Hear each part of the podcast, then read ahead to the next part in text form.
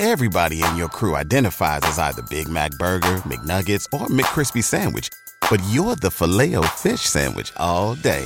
That crispy fish, that savory tartar sauce, that melty cheese, that pillowy bun. Yeah, you get it.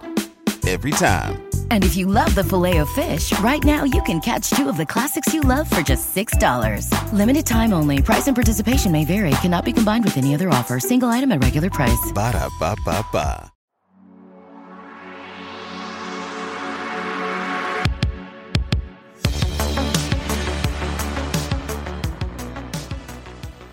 Welcome to the Broken System Podcast. I'm your host, Robert Palmer.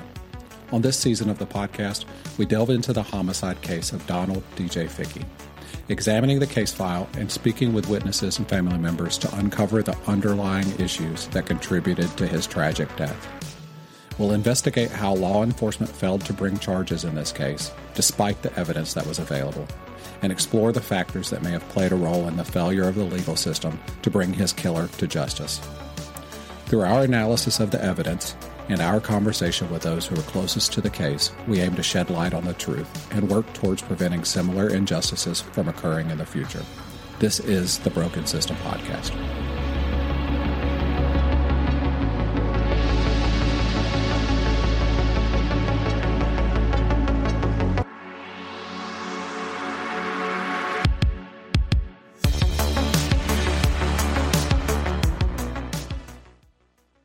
Thank you for joining us, guys. Uh, this is Robert, and today we're bringing on uh, Brandon Hall from Music City 911. And I just kind of want to have him introduce himself and talk through it. And then we're going to listen to the 911 tapes together, kind of discuss them and kind of go forward. Brandon? Uh, yeah, my name is uh, Brandon Hall. I am a current dispatcher with the Metro Nashville Department of Emergency Communications.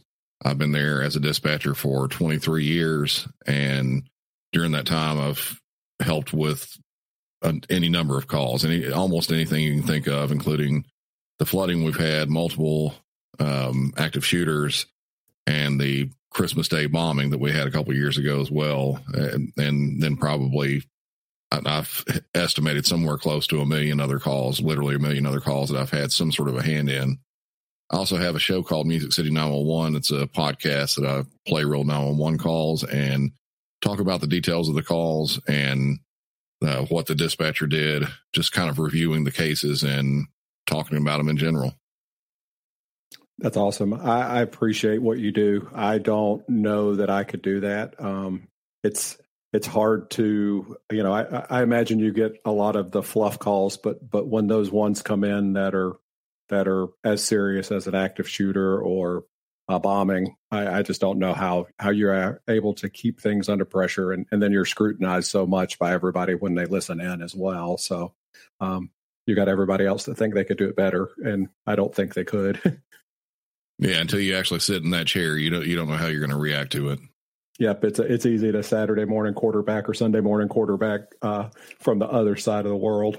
Oh yeah, absolutely but uh, thank you for coming on and and you know what we you know we're we're talking about DJ Fickey and and um, the the incident that happened on October third of 2016.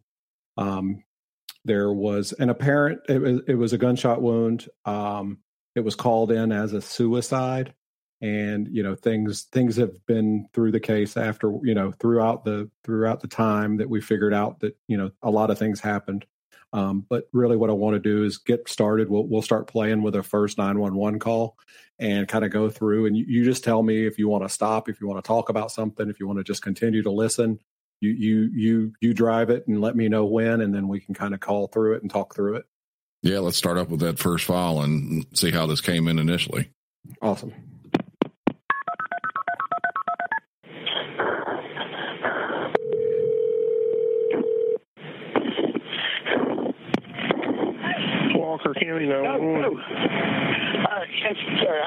uh,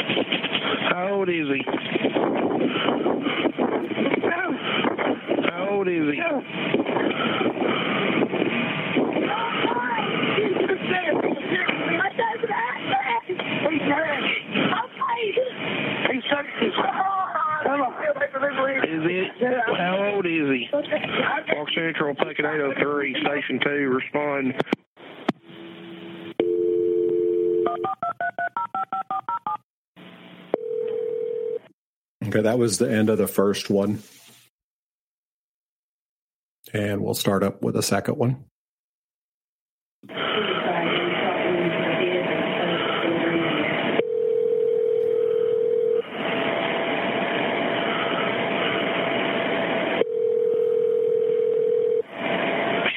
Oh, How old is he? all right. Hello? How old is he? How old is he? He's 27. 27? Yeah. Okay, is he still breathing? Where's the damage done to his head? It's right in his mouth. It's right, in his mouth. It's inside his mouth? Right with me. He's. He's watching. Okay. Is there, is there an exit wound? Is there an exit wound? Listen, come down. Hey. Is there an exit wound? Yeah. No, what's in his mouth? Hey, what's in his mouth? Everything's in the your uh, please. Is he, is he breathing? Is he breathing? He was. He was. You got stuck again. I'm very hard. Oh my God, man. He is responding. 27 year old male uh, advised that he had a gun in his mouth. There was a discharge. There is an exit wound. Possibly still breathing. We're still attempting to gain further. Is he breathing? Come on, that guy. What's your name? My name's Mike. Oh, Mike? Come on, Spade. Come on, you're losing. Come on. I got my hands full. Is he inside the house? Oh, Is he inside the house? No, man. Where's he at? I don't know. Is he inside the house? Is he in a car? Is he in a room? No, he's Where's in he at? in the front door. He's in a chair in the front door. Yes. All right. Is he still sitting in the chair? DJ. DJ. He's what? DJ.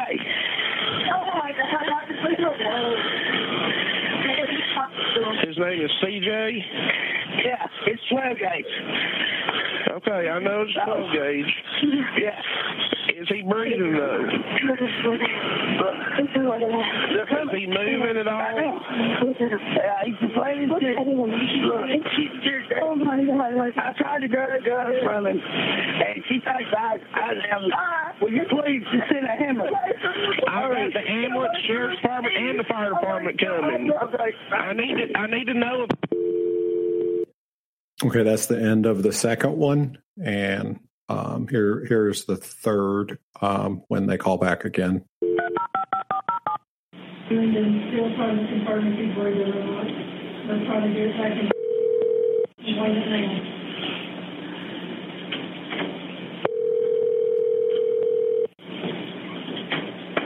now. Please, hello. Mike. Oh my uh, God. Mike. Mike, oh, can Hello? you hear me? Yes, ma'am. This this is Walker County 911, okay? It's 911. Yeah. Okay, Mike, listen to me, okay? I will soon I get off here. Smart. Okay, Mike. Mike, I need to talk to you. Can you give me your attention? Yes, ma'am. Okay, the gun, where is it located now? It's in the chair with him. I, Okay. I, I got the gun up and checked to see what it was. It was a 12 gauge. Okay, so you moved the gun, is that correct? Yes. Okay. Can you secure that gun? Can you uh, get it unloaded safely and, and lay it to the side out of the way? Yes, ma'am. Okay. Can you do that while I'm talking to you? Yes, ma'am. Okay. I'll give you just a minute, okay? I they told me to get the, the gun and secure it. No, don't don't shoot it. Secure it. Don't shoot it. Uh, Unload it. Listen, Mike. Mike. The, are you going to be the one doing It it? ain't, got, it ain't but a single shot. It looks like Okay. a solid off. Okay. So there's nothing in the gun at this point, correct? No. The gun is empty, correct? No. Here they come, Brandon. Here they are. Mike.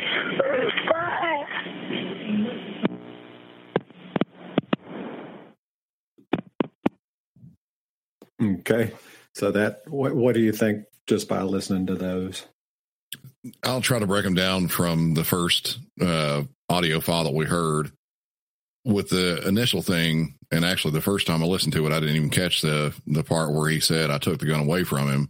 It sounds like in the first one, that time I listened to it anyway, that he was there when it all happened.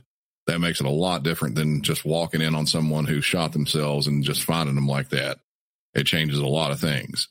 Um, you know, there has to be some sort of a background story to it. I, I would think that, but that's not really something the dispatcher is going to try to get into. They're not going to try to find out what was going on with him. They're thinking about the safety of the, the caller and the other people there, as well as the responder safety, uh, anybody that's going out there to the scene. So initially, when you hear that he was maybe wrestling with him or trying to get the gun away from him and it went off, that's a kind of a game changer to it. If it, like I said, if it was just simply walking in and finding somebody, it's completely and totally different. But in this case, there had to have been something else happening before that, like some sort of an argument or a fight, or, uh, you know, I guess theoretically he could have just walked in and saw him, or uh, I guess it was close to the front door or somewhere around there where it happened. Uh, but he could have saw that happening and tried to run up and get it. That's a possibility, but that's just one of the kind of many avenues this could have been. As as far as he himself what's going on with the caller and the dispatcher from the dispatcher's aspect it's kind of hard to really say anything like to, to speculate. We can only go on what they're telling us. We can't say something else or try to figure it out just off that. We have to go off of everything they're saying. So at the moment dispatchers are just reporting what's being told. It's they're not trying to really investigate anything too terribly, other than as I said, responder safety type issues and uh, possible safety of the caller and getting very basic information. You move on to the second call, and I believe the reason it happened like this. A lot of times when you're you're either in a rural area or just in general have an emergency type call like this, you have someone who's not really paying attention to their phone. And most people in that the time this happened, they had some sort of a smartphone, and even if they didn't, there's a good possibility they're going to hit the end button with their cheek, or as I said, the rural area thing, it could have cut off the phone call just because of a poor signal. It didn't sound like a poor signal, so I don't think that's that's what it was, but that does happen. So at that point, the dispatcher had to call back and try to get the rest of the information, the name of the party's calling, where he was shot. Now, I, I'm very familiar with guns and you know him asking for what gauge it was, what you know caliber the the gun was. He said 12 gauge. That's not really a big factor, and that's something that we don't usually ask, especially for a suicide type call that's being reported. That's not a uh, something that's really a big deal. It's more of if you're going to get into the really details about it with a shotgun that's put in somebody's mouth, the type of shot that's going to be used is actually a little bit more important than the than the actual gauge. If you're going to have a 410 in there, it's a much smaller shell, but it's still going to be shooting through. And if it's bird shot that close, it's still going to have a pretty harsh effect. Same thing with a 12 gauge. It's just a little bit more load and a little bit more as far as the actual amount of pellets that are going into it. Right. But, but you kind of get back into the whole bird shot versus slug versus buckshot and what size of each of those there are. But again, with it being that close range, there's usually not too much of a difference in what's going to happen because everything is uniform, everything's kept together. Okay. That makes sense. Yeah, and the uh, the third call was someone else calling back. A really big piece of this uh, was the fact that she asked if he had, if the caller had touched the gun. Normally, in a situation like this, we would tell the caller to leave everything as is because you don't know. You don't know what happened if if it's someone walking in and finding someone like this. You don't know if it's a suicide. You don't know if it's a homicide. You don't know if it's just a full on accidental discharge.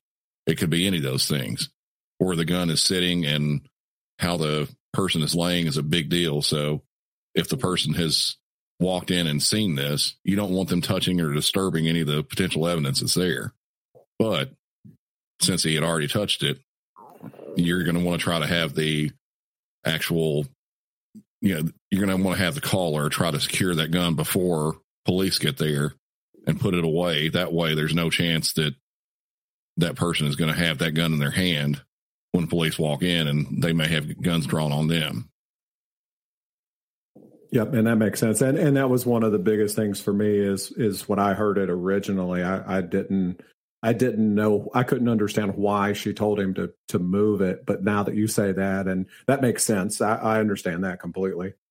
Yeah. Plus, you know, there's also potential for fingerprints, things like that. If if there's if they've walked in and just found this person like that and they've never touched the gun before, them picking up the gun afterwards puts their fingerprints on it and they may have done something, may not have. So that kind of takes something a little bit away from it. Right, exactly. Let's take a quick break. Have you ever wondered what's at the root of homelessness? I used to try to describe it to my husband that um, I said, I feel like I'm in this big spider web and I'm stuck in there.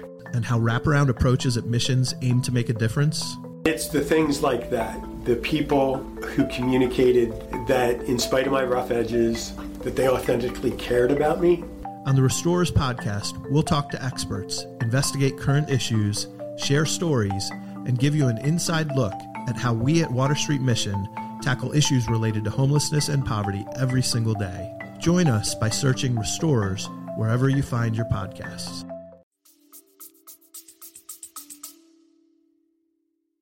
when um is it typical for it to switch from one one from one operator to another for the same call it could and there's a, a few different reasons for that um what the type of system i work on is what we call a linear system and that means that you have a section of the dispatch center who only takes phone calls they don't dispatch on the radio and then you have another section that only dispatches on the radio this actually sounded like the opposite, which is someone who is both dispatching and call taking at the same time. So it sounds like he was dispatching out units while on the phone with the the caller and still trying to get more info. Now they may have separate dispatchers doing separate things, and that's a big thing too. So if at that case, he may be one, and it, again, it kind of depends on the system they're running, how they do it. He could send out the initial call and info and then it gets transferred over to another radio. And a lot of places do that. They they might be updating some way and not have all the information they need. He could be a general dispatcher for everything and that second one was a sheriff's department dispatcher it's it's kind of hard to tell Yeah, it's a very small small community up there. Um, it's in northwest Georgia, uh, almost in Chattanooga. Um, that kind of lookout mountain area for Georgia, Tennessee, and Alabama. That kind of three corners right there. Oh, so yeah. I, I would imagine that it's just a smaller smaller unit that that has one or two people handling it. Yeah, and a lot of them are like that. Um, you know, Nashville's a bigger city than the place I work in, so we have, you know, dozens of dispatchers on any given day. But a smaller place like that, some of them have two or three, and some of them, depending on the the workload, could just have one single dispatcher, and that's all they have. Right. That, that's and I couldn't imagine that, but I guess in, in an area that, that a lot doesn't happen, I, I guess that would make sense.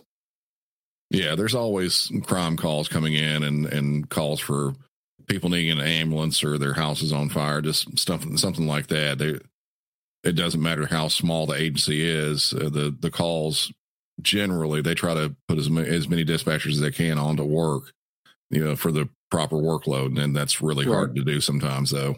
Yeah, absolutely. Because you just don't know. You just don't know what's going to happen on a given day. Exactly. Yeah. Okay. So I mean, you know, it it when I listen to the tapes from an outside view, I think the 911 did great. I think they, you know, they did everything they were supposed to do. Like I said, I, I did question when she told him to pick up the gun, but now that makes more sense to me that that if he's already said he's touched it, then at, at that point in time it really doesn't matter. Um, it, it's more about security for the police officers. Um, so in, in that, there, you know, you're collecting information. And you're trying to get as much information as you can to about the scene, about what's going on. Um, and and I think they did that. I think they they did a good job and, and got everything on the way and over there. Oh yeah. Uh, the the more you find out about calls, I mean that's that's one of the things with dispatchers. We take the calls, we'll send them up, and depending on our relationship with the responding officers and kind of how we process the calls, like me for instance, we don't deal with any of the police reports or anything. So a lot of times we don't know anything at all about what happens after they get there, other than they might take a report or they might transfer or transport someone to a hospital, or they may make an arrest. But the details about those we don't usually find out about. Now, in a smaller town like that, I would imagine they're probably doing all the records. They can find out everything that they witness out there.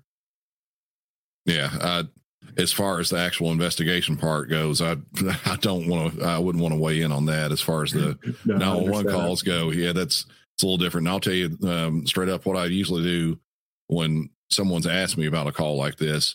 I'll sit back and listen to the call by itself as I was, you know, like if as if I was the dispatcher there. A lot of times I'm not going to pick out some of the subtleties that are in the call. Um, I would like to at some point probably go back through, isolate some of what she was saying in the background, and you know, see if I can dig out some of that. Yeah, and and that's I, I would really like that because I, I, think you know with with you hearing that on a more regular basis, it's hard for me to process a lot of times the the the overlapping noise. Does that make sense? Um, because there's so much overlapping between the operator, the person talking, and the people in the background. Um, so I get lost in in in all of it if that makes sense. So it would be amazing if you were able to to do that.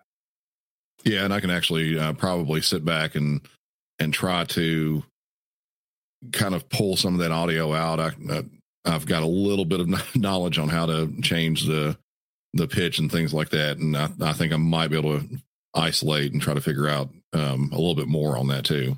That'd be great.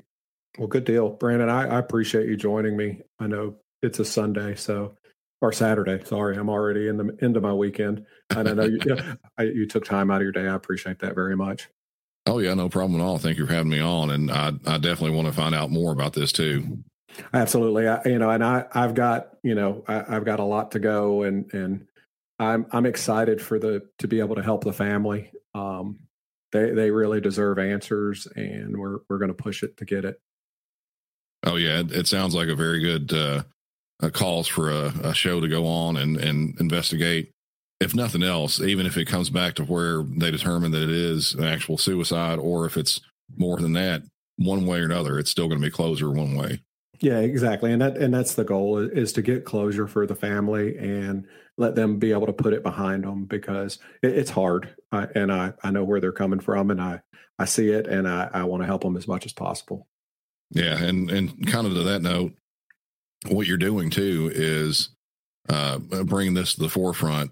A lot of people don't know this, but uh, you know, it, on average in America, a lot of people uh, they'll see the the general gun related deaths, and it's it's always somewhere between 35, 42, 43,000 per year. It, it, fluctuates pretty pretty widely, and with uh, a lot of those, you don't take into account things like suicide and you know the one of the things here, especially with the shooting we had here in Nashville with the school shooting, uh, they don't push that uh, you know, the the child related deaths that almost I think it's two thirds of them or a little bit over that are because of uh, gang violence and drug violence, things like that.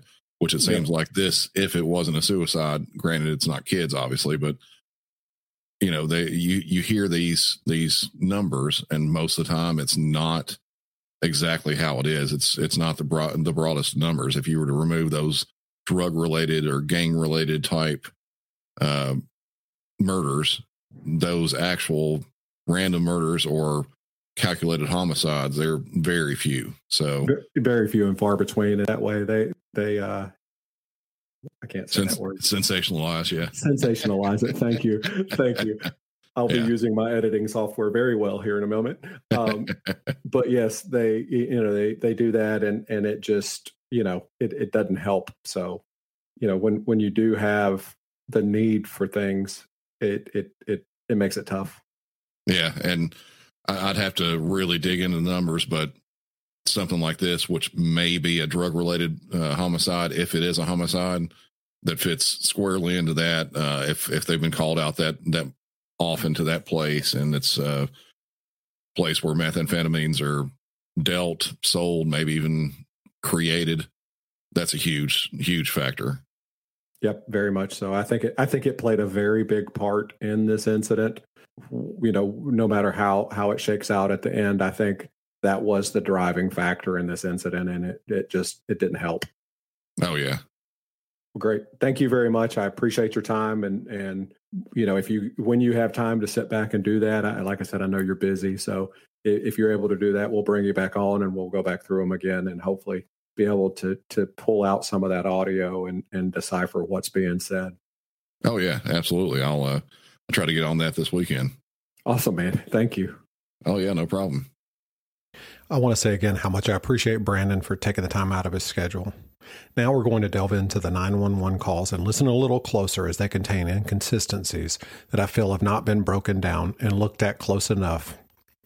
I'm excited to have LaDonna Humphrey with me, who's not only an author and a podcaster, but generally an awesome person. We'll be discussing these recordings and breaking down their contents to uncover the truth behind the incident. LaDonna, how are you this evening? I'm well. Thank you so much for having me. I am excited to be a guest here. Thank you so very much. Why don't you tell everybody a little bit about yourself and who you are and what you do? Sure. My name is LaDonna Humphrey, and I am a private investigator. I'm a podcaster, and I'm also a true crime author.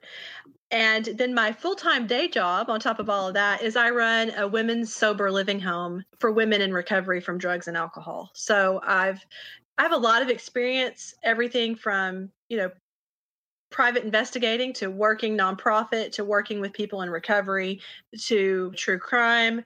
For the past eight years, I've spent pretty much all of my free time and then some, so to speak, investigating the 1994 unsolved murder of a 19 year old girl named mm-hmm. Melissa Witt from Fort Smith, Arkansas.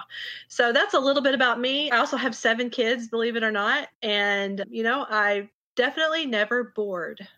Wow, that is that's more than a mm-hmm. full time job, I would think. With all of that, I know that just what little bit I'm doing with the podcast, I couldn't imagine adding all of that on top, and then kids on top of that. It's amazing. It's a lot. It's all things that I love and I'm very passionate about. And somehow it just all works together. So I, I, like to get involved with other cases and see what other people are doing, you know, like what you're doing here and try to link arms with them and work together. So I think that's one of the reasons why I'm so excited to be here tonight. That's awesome. We appreciate it very much. And we have a passion for what we're doing and kind of talked to you a little bit before about DJ, his case, and what's going on. So we'll get into that into a minute. I know before we were talking about your podcast. So why don't you tell us a little bit about that? Because that's, you know, it amazes me that you're able to do that and sleep at night. Let's take a quick break. Introducing Work From Anywhere, a Haworth Connect podcast where we sit down with industry experts to discuss what's new and important in the world of work. We are now kicking off season two. In this series, we're focused on organizational culture, how important that is to the way we go forward in a work from anywhere ecosystem, and how we design the workplace to best support the most engaged workforce. We're available wherever you find your podcast, and we hope you'll learn along with us. Well, it's difficult for sure. My co host and I, her name is Alicia Lockhart. She and I actually co authored a book together entitled Strangled. And, and, we did that. She had called in a tip, believe it or not, into the Melissa Witt case. And through investigating that together and the tip that, you know, she sent in, we ended up writing a book together. And throughout that investigation, we got involved in learning more about a community that's known as Death Fetish. And it's really, you know, these online communities that are glorifying the murder of young women. And so that turned into a podcast because we had so much to say on the topic and we felt like we needed to educate the communities about these dangerous online spaces that were glorifying murder. And so in September 22, we launched the podcast and then here we are now. We're about 21,000 downloads later and over two dozen episodes in and we're just going to keep going our whole effort is to expose death fetish the people who produce it and consume it all with the goal of eradicating it eventually and it's just like I told you a minute ago. You know, stuff is out there, but I didn't realize that stuff is out there. I, you know, I, I, I guess I'm naive in that aspect of okay, I know people are weird, but what you guys go into, it's like, oh my goodness, there is actually somebody that wow. I just it just blows my mind. The name of the podcast is deep dark secrets. I believe it's released every monday and it's on all the all the forums. So i i uh i listen to it every monday when it comes out. So it's a really great show. So i advise everybody to download it and listen to it because you'll be amazed well, thank you for tuning in. And I would say this the one thing that we hear about new listeners is that they listen to one episode and then they end up binging it. So clear your schedule for a little bit because I think you're going to be surprised about what's going on the internet. But please, you know, definitely tune in. And, you know, we want to help people and keep them safe. And that's, you know, part of our motivation. So thank you for listening in. I appreciate that. Absolutely, for sure. So we'll kind of get into this now. So for our first episode, we went through the timeline and we broke everything down. So now we're going to take it step by step and we're going to go to the next step, which is the 911 calls. And the reason why I have LaDonna here is because I've figured out that it's really hard to question yourself about something. So I, I, needed somebody else's insight and to, their ears to listen to it as I did, and just kind of go back and forth. And you know, I hear things and I'm like, did I hear that? And I, you know, question myself. So I like having somebody else here to to uh, to take a listen and someone with her experience is going to help us out a lot. So we're going to just dive right into this and we're going to start with the first 911 call. So this is from October the 3rd and around one o'clock in the afternoon, I believe. I'll firm that time up. Let me see if I can make this play. Okay.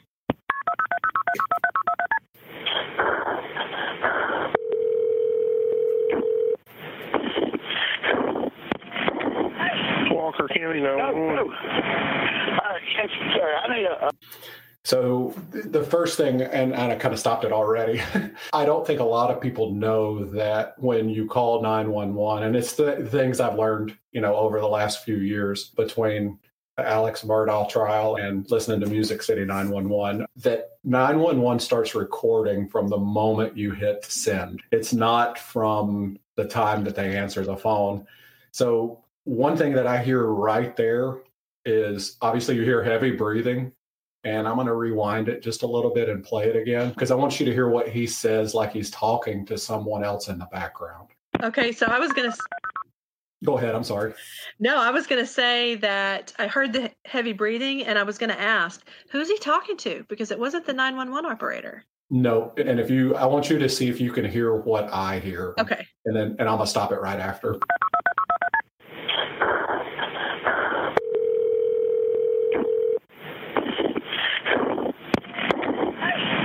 Walker County, no.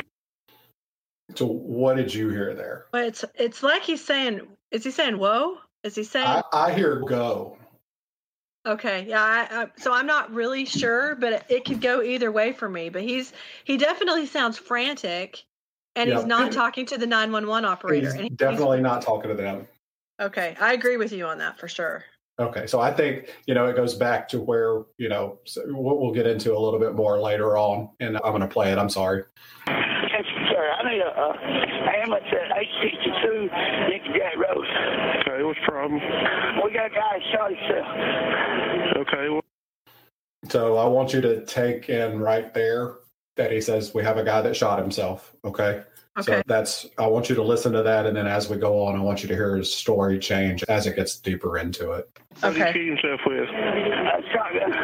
Okay, is he breathing? Uh, it looks like it. I don't know. I just think How old he is he? So I tried to get the gun. I tried to get the gun, and it went off, and he had it in his mouth. And I was like, man, What is it? A 12 gauge? So can I interrupt right here? Absolutely. So he's saying that I tried to get the gun and it Mhm. went off. I mean, is that Yeah. some sort of admission to something that really happened? I'm curious. And that's so as this story progresses, and I'm glad you have fresh ears because I've listened to him a lot. And and yes, so first he said he shot himself, and then he said that he tried to get the gun away and it went off. So that's absolutely 100% what I've been just frustrated with over time. Well, that to me is two different stories just right there. He shot himself, but I tried to grab the gun. I'm trying to wrestle it from him and then it goes off. Well, that's an accident then. So which one is it? Exactly. Is he still able to oh. talk? Is he still able to talk? no. I mean, he stuck it in his mouth. All right, is he still breathing? Yeah, it looks like it.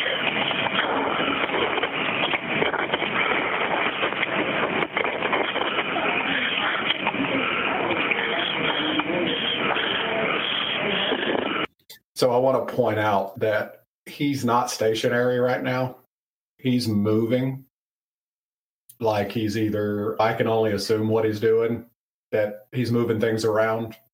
And just, you know, it sounds to me like he's not stationary, like he's not in a room. Well, I was going to comment that it does sound like he's moving around, but the way his breathing sounds to me is that he's been in some sort of altercation. This isn't somebody that sounds like they're shocked because they found someone that shot themselves. It sounds like maybe that he's been in some sort of, I don't know, fight, something physical. He's way out of breath. Yep, exactly.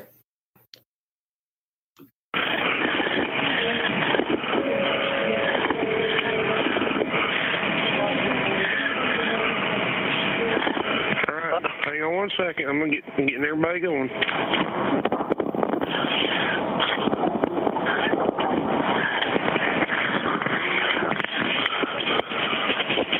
How old is he?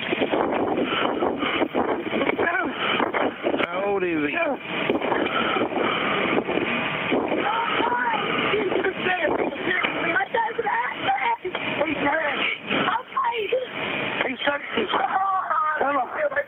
Is it?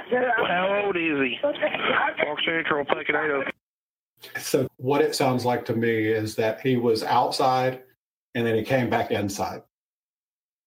Yeah, I would agree with that for sure. He's talking to his wife right now.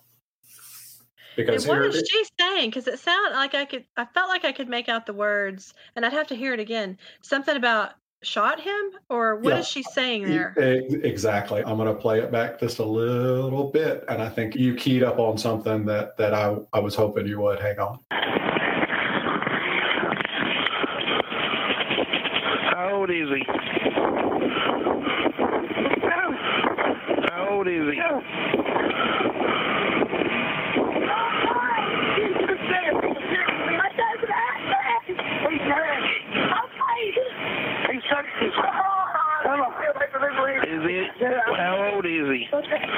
Central, Puckett 803, Station 2, respond. So that's where he hangs up at. Every time it seems like that he gets around her and she starts screaming, which I think you're absolutely right. I think she said you shot him. That's exactly what I heard her say. She sounds very panicked, and it sounds as if she's saying, You shot him. And Yeah. she's really shocked. Yep. She can't, it's like she's, it, and that's the whole thing is that she's screaming and that's why he hangs up the phone because he can't get her to be quiet. But that, you know, that goes back to me to, to him being outside. And I, I really think that there's reasons that he was running in and out of the house. And I'll get into that into a later episode. You heard exactly what I've heard the hundred times I've listened to it. And okay, so now we'll go into the second call. This is when 911 calls him back. He doesn't even call them back. They have to oh. call him. Okay. How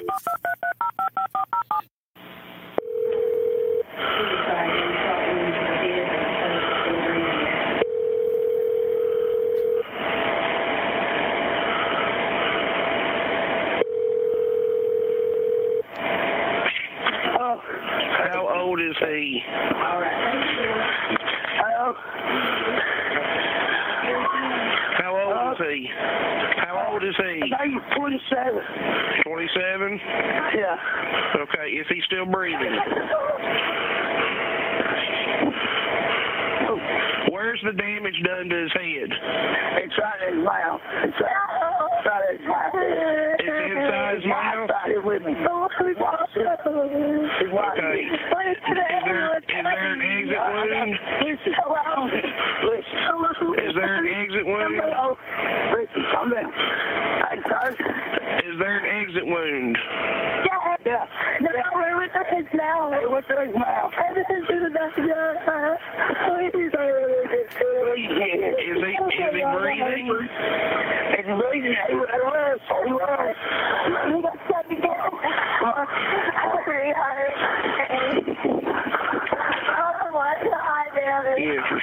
19, 27 year old male. Uh, he had the gun in his mouth. There was a discharge. There is an exit wound. Can I ask a question here? Are they arguing about what actually happened? Yes. They absolutely are. And I feel like he, what I'm hearing him tell her is what he wants the version of events to be. That's exactly right. He's trying to set the tone of what's going to be said when the police get there. That's exactly what's happening. So I'll play that back again just a little bit, that last little bit. Is there an exit wound? Listen, come down. Hey. Is there an exit wound? Yeah. Yeah. No, we're with his mouth. Hey, what's in his mouth? Everything's in the back of your Is he breathing? He's breathing. He was. He was. He got shut down. Yes, responding.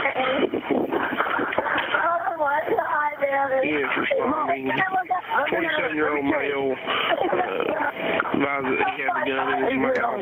There was a discharge. There is an exit wound. Possibly still breathing. We're still attempting to gain further. Is he breathing? What's your name? My name's Mike. Come on, Spade. You're losing. Come on. I got my hands full. Is he inside the house? So did you hear that right there? Yeah, Can you play that part again? Because I want to make sure that I'm correct in what I'm hearing here. Yep. Still attempting to gain further. Is he breathing? What's your name? My name's Mike. Mike? Come on, Spade. You're losing. Come on. I got my hands full. Is he inside the house? Oh, Is he inside the house? No, man. Where's So what what did you hear there? Okay, so he's asking, is he inside the house? Did she say no?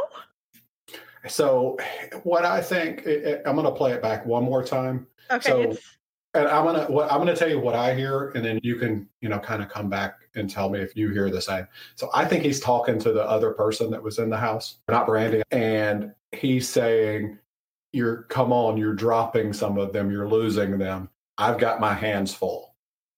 Okay, let me listen to that again. Okay.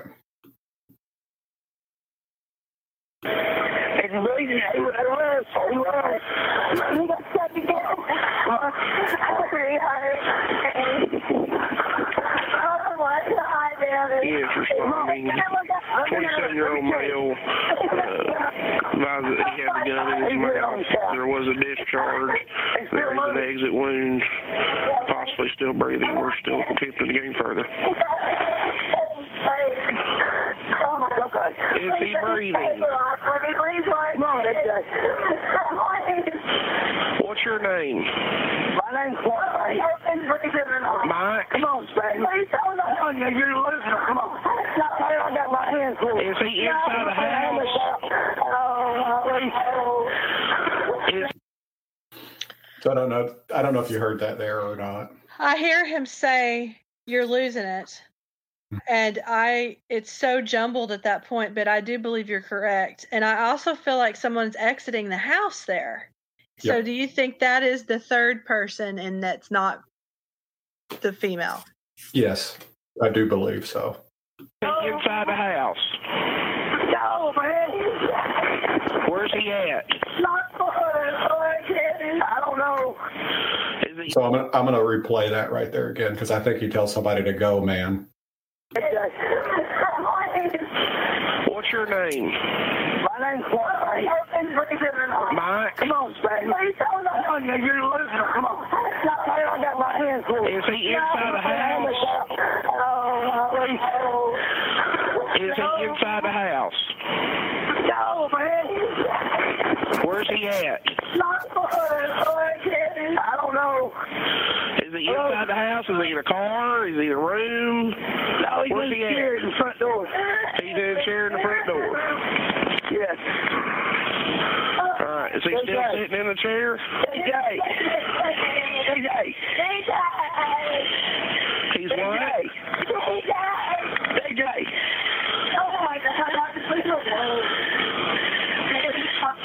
Name is CJ?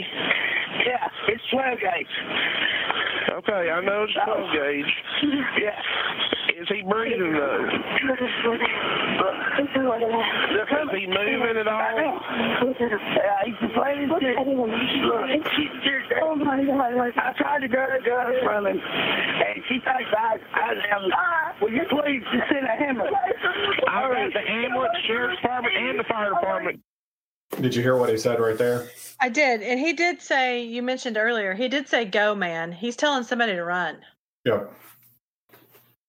And then ah. right there, and right there, he just said, "She thinks I shot him." Play. Can you play that part again for me? Is he moving at all? Yeah, he's playing Oh my God. I tried to grab the gun from him, and she thinks I, I am. Will you please just send a hammer? I've got the ambulance, sheriff's department, and the fire department coming. I need to know if So she that's thinks. where. that- yeah, he she- said that. She thinks I shot him. Yep.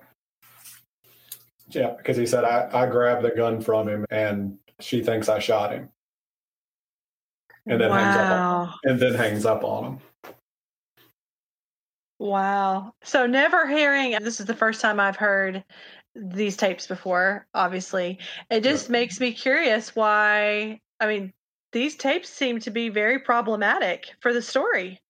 Very much so. I mean, it amazes me. And then you add that to the fact that four minutes prior to this event happening, there was a text sent to DJ's mom from DJ saying, Please come get me. I'm going to end up dead. Wow. Yeah. So and we've got we've got one one more whole tape to go. That's only two. So he hung up, and nine one one calls him back again. Okay.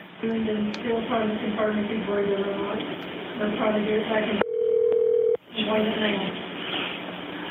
back in. Wait a minute. for please. Hello. Mike. Oh my God. Oh, Mike. Mike, Hello? can you hear me? Yes, ma'am. This is Walker County 911, okay? It's 911. Yeah. Okay, Mike, listen to me, okay? I will soon as I get off here. Smart. Okay, He's Mike, stay. Mike, I need to talk to you. Can you give me your attention? Yes, ma'am. Okay, the gun, where is it located now? It's in the chair with him. Okay, so if someone used a 12 gauge shotgun to shoot themselves, where would that gun be? Not in the chair with them. Exactly. That's just basic information Yeah. there. And wow. And so I have so many questions. I want to ask them now because you, I don't want them to be spoilers for other episodes that It's, it's it, it, what we'll do is let's play through this. Let's finish this tape, and then I'm going to let you have at it because what I can do is um, afterwards we can come back to these questions, and then I can bring them in when those episodes come up. Okay, So perfect. That's perfect. Okay, here we go. I got the gun up and checked to see what it was.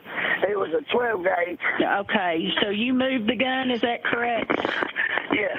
Oh, can I stop you right here? Secure- Yep. So is he trying to establish why his prints are on the gun? Yep. Okay.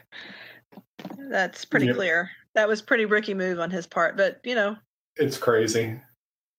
That gun, can you get it unloaded safely and lay it to the side out of the way? Yes, ma'am.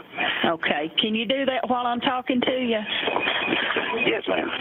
Okay, I'll give you just a minute, okay? And to me, that's a failure on the 911 operator at 100% right there. well, yeah, you should not disturb a crime scene. Yeah, she should have she should have said get outside, stand outside and wait. I don't know why she would tell him to move the gun and unload it. Yeah, yeah, I'm shocked about that. Was that well? A- Again, it's more of those questions, but go ahead. Yeah. Okay. I say, they told me to get this, the gun and secure it. No, don't shoot it, secure it. Don't shoot it. Uh, Unload it. Listen, You hear her in the background saying not to touch it. Yeah. are you going to be the one doing It, it? it ain't but a single shot. It looks like a shot off. Okay, so there's nothing in the gun at this point, correct? No. The gun is empty, correct? No. Here's the gun, Brandon. Mike, Here they are. Mike,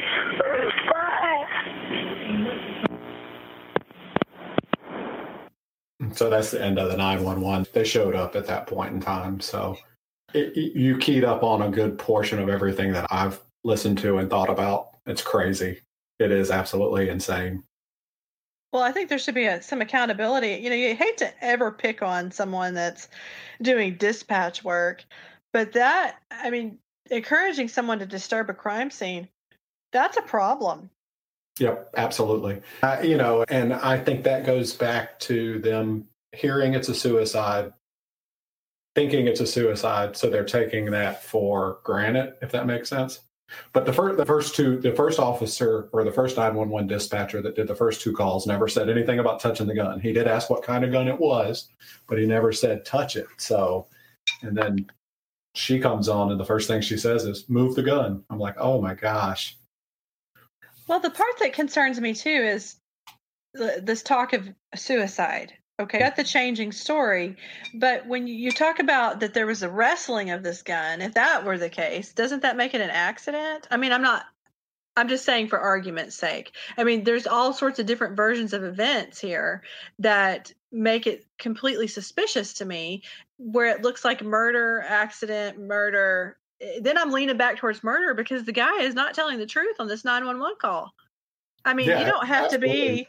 You know, you don't have to be a private investigator or law enforcement to see that he's not being truthful.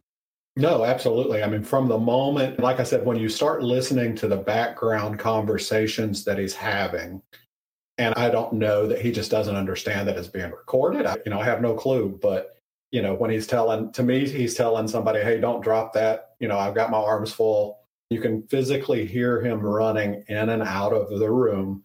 And once again, it's a known drug house, and I'll get into that more through the episodes of how many arrests have happened at that house since this incident. And people that were there were no longer there that for that few minutes, to me, that says that they were loading up a car and getting the heck out of there because they didn't want something to be found at the house. Oh, I think you're absolutely right. I mean, that's obvious that he's ushering people along. You can hear that. I don't know what he's doing when he's outside of the house, potentially destroying more of the crime scene, would be my guess. Oh, yeah, running in and out. Wow. Yeah, wow. I my mind is blown. Yep. And then, so uh, let me throw some more things at you. So, on a number of occasions, he said it was in his mouth. Yes. So, DJ was sitting in the chair. Uh, the gunshot came from a downward trajectory on the left side of his face. So he was He- murdered. He was right handed. So, Oh, wow. So that's impossible, that story. yeah, I mean, there's no way that he's going to put the gun to the left hand side of his face and pull it with pull the trigger with his left hand. No, I don't even I don't even think that's even like possible, physically possible to No. accomplish that. So are these tapes have they been examined by law enforcement and there was no question about the sto- are they just Oh. ignoring the tapes? I mean, I'm curious. So, well, once again, so the this happened. They the coroner came in, got the body. No one, uh, you know, I believe that they said, "Hey, you know, this is a suicide." They left. The police started investigating it, started finding in, inconsistencies, but the coroner came back before they could get all their investigation done and mm-hmm. ruled it a suicide. And then it just became a matter of them going back and forth so now they did two two separate interviews at the police station that I've got, and I'll share that throughout the podcast that they did with this gentleman, and both stories changed each time. And they did a polygraph, and he failed.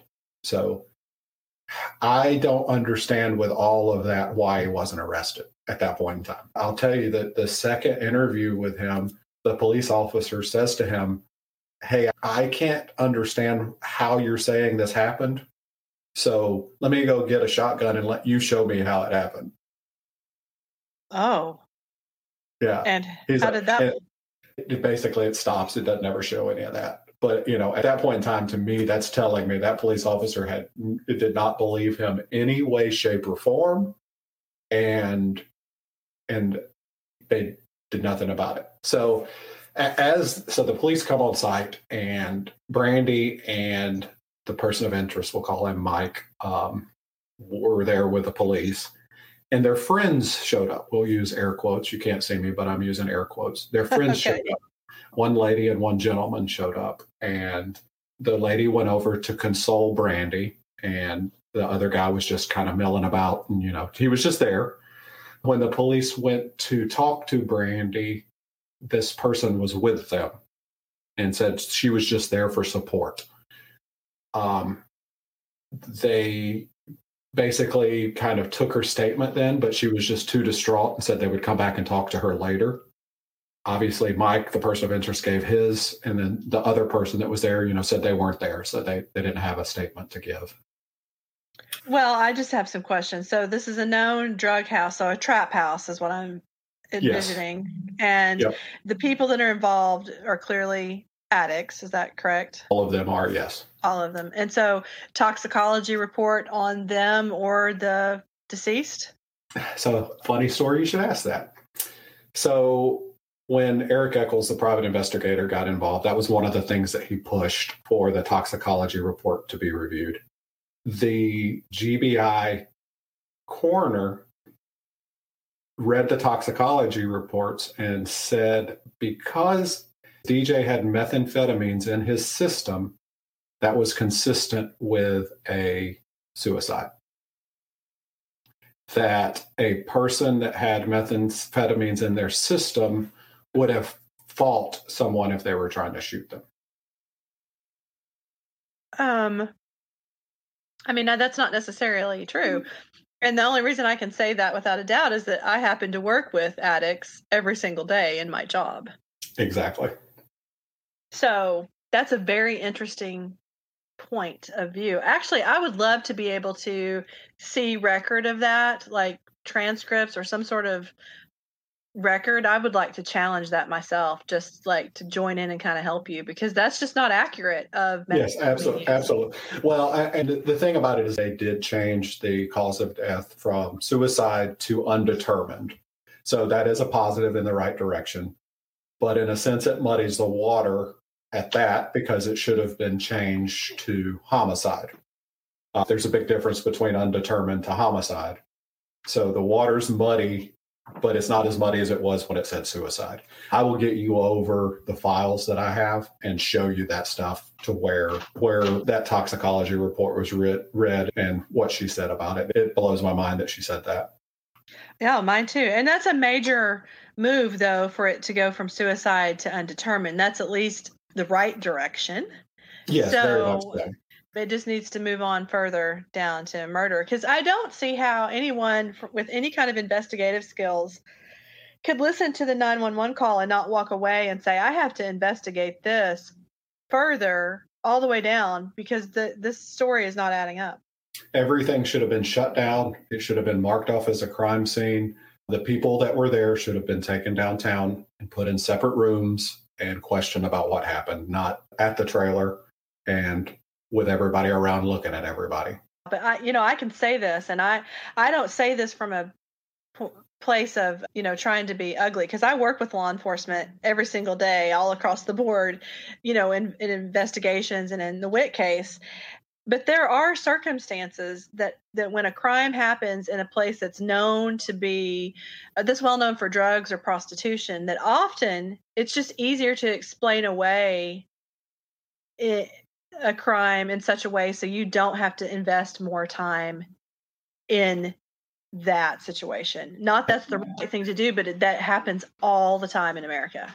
And I think that's where they were going with it. I think that they felt like, you know, and I, once again, I'm not one to beat up law enforcement either. I appreciate what they do when, especially when they get it right. Um, but I think in some cases where the person is disadvantaged or has an underlying cause, and it's easier for them to just say this will go away because you know the family's not going to care. The families they understand what was going on but they didn't know what amanda's got in her and that amanda's dj's sister. And she's been i would say you know if you search this through on a podcast platform there's probably 20 maybe 25 podcasts that were done on dj's case. All of them were basically an episode 45 minutes. He didn't get they some did really well with getting the information out there. There's a couple two and three parter episodes, and they've been on some of the big ones, but I just don't feel like it got everything that it deserved. It didn't get the breakdown of what I plan to do, and that's my goal is to break this stuff down to where people can hear it and have conversations over it, just like we just did. To say, "Wow, how could we have missed that? You know, why didn't we listen to this way?" I agree, and I think you know I don't want to he- I don't want to beat a dead horse here, but it's so easy to look the other way when you're dealing with situations where crime and murder is committed when there's drugs and violence that are involved. That just happens all I see it all the time in my job. I know that. Yeah. And that's such a disservice to the family of the victims. And you know, I think that it's so easy to dehumanize someone because they're involved with drugs right? And yeah, just think, absolutely. you know, and I think that's potentially what happened here. Oh, I, am 100% sure that's what happened. I believe that that it was just it, this communication from the time the body was picked up until the investigation happened. I think that was because of where it was at. They just kind of took it for granted, and this is just another one of those deals. And you know, like I said, since that this incident in 2016, I think there's 28 or 29 arrests that have happened at that house at that exact address. I didn't do a search prior to 2016, but I have a feeling it's going to be as many, if not more. So I think you're right. I think that they just came there, put it in their mind that this is what happened, and was, you know, just going to wash their hands of it and walk away. But we're not going to let them. No, if I can help in any way, please, you know, allow me to do that because this has got me hooked. Mainly because, you know, I'm such a I'm so into true crime as it is, not for the sake of, oh, it's true crime and to glorify it, but because I want to help victims and victims' families, right? That's really important to me. And yeah. my full-time job is working with people in recovery. So this particular case has struck a chord with me just because of what I do. So if there's anything I can do to help, please let me. Thank you so much. Like I said, I've got a conversation with Amanda later this week, and and we'll kind of go through all this. And I appreciate you taking time and coming on. I know it's late, and we kind of threw it in this afternoon, but I do appreciate it very much. And I just want to say thank you. And I know Amanda and the family will appreciate it very much. Yes, a- anytime. And if I can help with any kind of advocacy and share this story, I definitely will. So if you'll share those links with me, I'm going to blast that out to my network, just your podcast episodes. Awesome. Thank you so very much. You're welcome. Thank you for having me. Thank you. And I'll talk to you again soon. So, what did you hear? We'll be discussing this on our Facebook page this evening at 8 o'clock. So, please join us and give your opinions, and we'll talk through it. Next week, be on the lookout. Uh, we'll be going through the police reports and also witness statements. Thank you, guys. The next couple weeks. So, to make sure I understand, the toxicology report came back and the drugs that were found does it indicate that it was a homicide? You're sticking with suicide? It, it shows a stimulant that's present. Uh-huh. And based on that information, there's not anything that would appear to have rendered him unable to defend himself. And it appears that it is most consistent with a suicide still. Did she change her clothes before you got back? Do you know? Um, I'm not 100% sure. She, she, I mean, I, I know Mark changed, but I mean, he changed like right away. Right. Uh, who wiped down the gun? You or Mark? Mark. Mark wiped it down? Yeah. Did he wipe it down with bleach or hand sanitizer? Um, I don't think he wiped it down with any kind of chemical. Was Mark's finger on the trigger when the gun went off? Yes. You know that I support your findings, and that I, I, I by reading your report, I know that you believe that it's it, it's not a suicide because you would have never sent it to the DA for an indictment. Um, my, my thing is now is if if called upon, would you support that? In other words, if if if the DA comes back to you or something like that and say, do you think you had enough evidence to support uh, a homicide? Is that something that you would say yes to? Um, homicide, no. Uh, manslaughter, uh, yes. That's why I sent it over to the district attorney's Okay. office, you know, for that. But yes. Well, that's that's what I that's why I wanted to talk to you, man. I appreciate that. Honestly, no. I don't. I know he meant to intimidate him, but I really don't think he meant for the gun to go off like it did. Why did Mark bring the gun up there that morning to begin with? Um, for intimidation.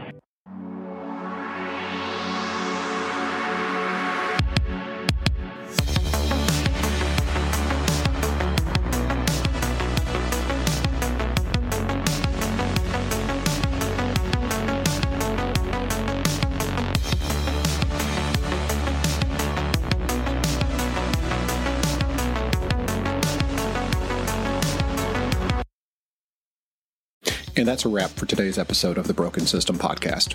Don't forget to show your support by liking and sharing this episode with your friends and family. We also invite you to join us on Facebook and Instagram for more updates, behind the scenes content, and community discussions. Just search for the Broken System Podcast on both platforms and you'll find us. We encourage you to check out our show notes for this episode, where you can find links to our partners, a transcript of the episode, and information about the music you heard today. We want to make it easy for you to access all the resources we discuss on the show. And lastly, this episode was written, edited, and researched by Robert Parman. Thanks again for tuning in, and we look forward to bringing you more thought provoking content on the next episode of the Broken System Podcast.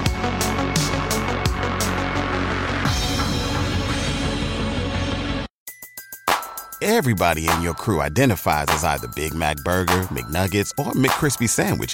But you're the filet fish Sandwich all day. That crispy fish, that savory tartar sauce, that melty cheese, that pillowy bun. Yeah, you get it every time. And if you love the Filet-O-Fish, right now you can catch two of the classics you love for just $6. Limited time only. Price and participation may vary. Cannot be combined with any other offer. Single item at regular price. Ba da ba ba ba.